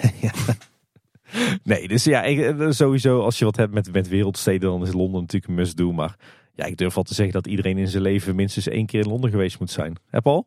Nou, ik heb nog een, iets waar ik dan wel naar op zoek zou gaan, Tim. In, in Londen. Eh, waar jullie dan niet zijn geweest, waarschijnlijk omdat je er geen reet om geeft. Of omdat je het gewoon nog niet kent. Vertel. Tip, een tip die ik heb gekregen van een vriend van de show, in ieder geval van Kleine Boodschap, eh, Chris. Chris van der Zanden. Die eh, komt regelmatig in Londen. Die is ook wel een fan van het Verenigd Koninkrijk. hè? Ja, specifiek van Londen ook. En die is ehm, ook groot fan van Ted Lasso. De serie op Apple TV+. Plus. Ah ja. En die is gewoon opgenomen in Londen. En een hoop van de straten en ook het appartement waar die dan zit. En, eh, en, het, en de pleintjes en de parkjes waar je doorheen loopt. Die liggen ook gewoon allemaal in Londen. Daar kun je gewoon allemaal eh, goed heen. Kun je goed bezoeken. Ook wel een eh, tof toertje denk ik om te doen. Ja. Tenminste, voor iemand net als ik die ook fan is van de show. Ik ken Ted Lasso niet, dus ik zou het niet weten. Je mist wat, Tim. Je, zou, je kan trouwens ook honderdduizend verschillende toertjes door Londen lopen. Je hebt ook echt tig verschillende Harry Potter tours waar je alle plekken in de stad ziet waar fragmentjes van Harry Potter zijn opgenomen. Eh, maar, maar als je dit, dit zo allemaal eh, hoort, eh, Paul, zeg je dan van nou, ik moet ook eens naar Londen? Nou, dat plan had ik sowieso al. Tenminste, ik, geen concreet plan. Maar Londen wil ik sowieso heel graag een keer naartoe. Ja. En wat- zijn dan zo de, de, de plekken of de activiteiten die jou het meeste aanspreken? Oeh, eh, nou, laat ik het zo zeggen. Stel jij mag een week naar Londen, wat zou je doen? als ik een week naar Londen zou gaan, zou ik ook net iets buiten Londen nog gaan kijken, denk ik. Dan zou ik er denk ik ook een, een pretpark aan vastplakken. Voor ons een week in de stad. Hebben we nog niet, dat hebben we eigenlijk nog nooit gedaan. Ja, New York komt misschien in de buurt. Eh, maar in ieder geval, als ik daar heel lang zou zijn, ik zou zeker naar de Harry Potter studios gaan. Dat lijkt me echt super vet. Ik had toevallig eh, tijdens het opnemen zitten kijken dat het ook naar de Pinewood studios kan. Maar die doen geen eh, publieke tours. Maar dat is waar Star Wars is opgenomen en zo. En waarschijnlijk Indiana Jones misschien nog. Ik weet, ik weet niet precies. In ieder dat soort films. Even kijken welke musea ga ik doen. Ja, toch wel... ehm, de British Museum is er dan wel eentje die moeten doen. Natural History Museum, ja, misschien wel. Ligt er een beetje aan of dat we recent nog naar een andere zijn geweest. Anders dan is de animo daar thuis wat minder groot voor. Ik zou ook zeker gewoon op eh, hele plekken door de stad doorstruinen. Ik zou ook zeker die, eh, die eh, plekken gaan checken waar Ted Lasso is opgenomen. Want dat trekt me gewoon wel. De zoo misschien wel. Sowieso van die plekken als Piccadilly Circus en ehm, een paar van de parken. Ja, Tower Bridge moeten we natuurlijk naartoe. Ik zou denk ik ook nog wel in de stad een paar van die Harry Potter locaties gaan opzoeken.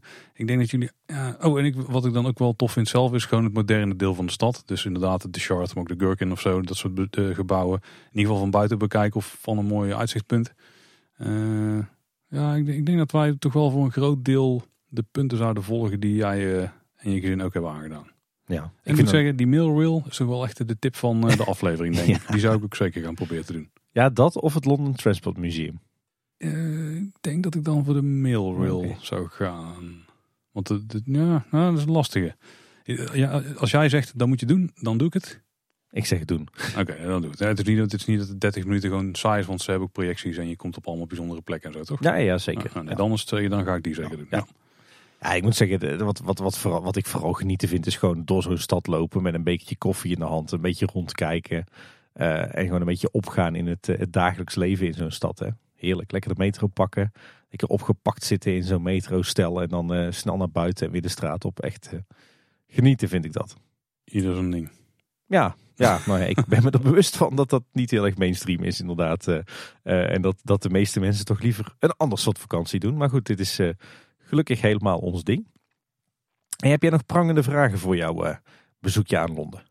Ja, ik ben toch wel nog benieuwd naar het kostenaspect. Eh, dus ehm, eten en drinken en zo. En, eh, ja, want de pond die is nu wat zwakker ten opzichte van eh, de euro. Dus is het dan gunstig of zo? Is eten en drinken gewoon, ja, op wat voor niveau moet ik dan denken? Ja, de, de pond, stad. pond stond inderdaad tijdens ons bezoek echt extreem gunstig. Het was echt bijna richting de euro gewoon. Dus dat was, was, was heel erg fijn.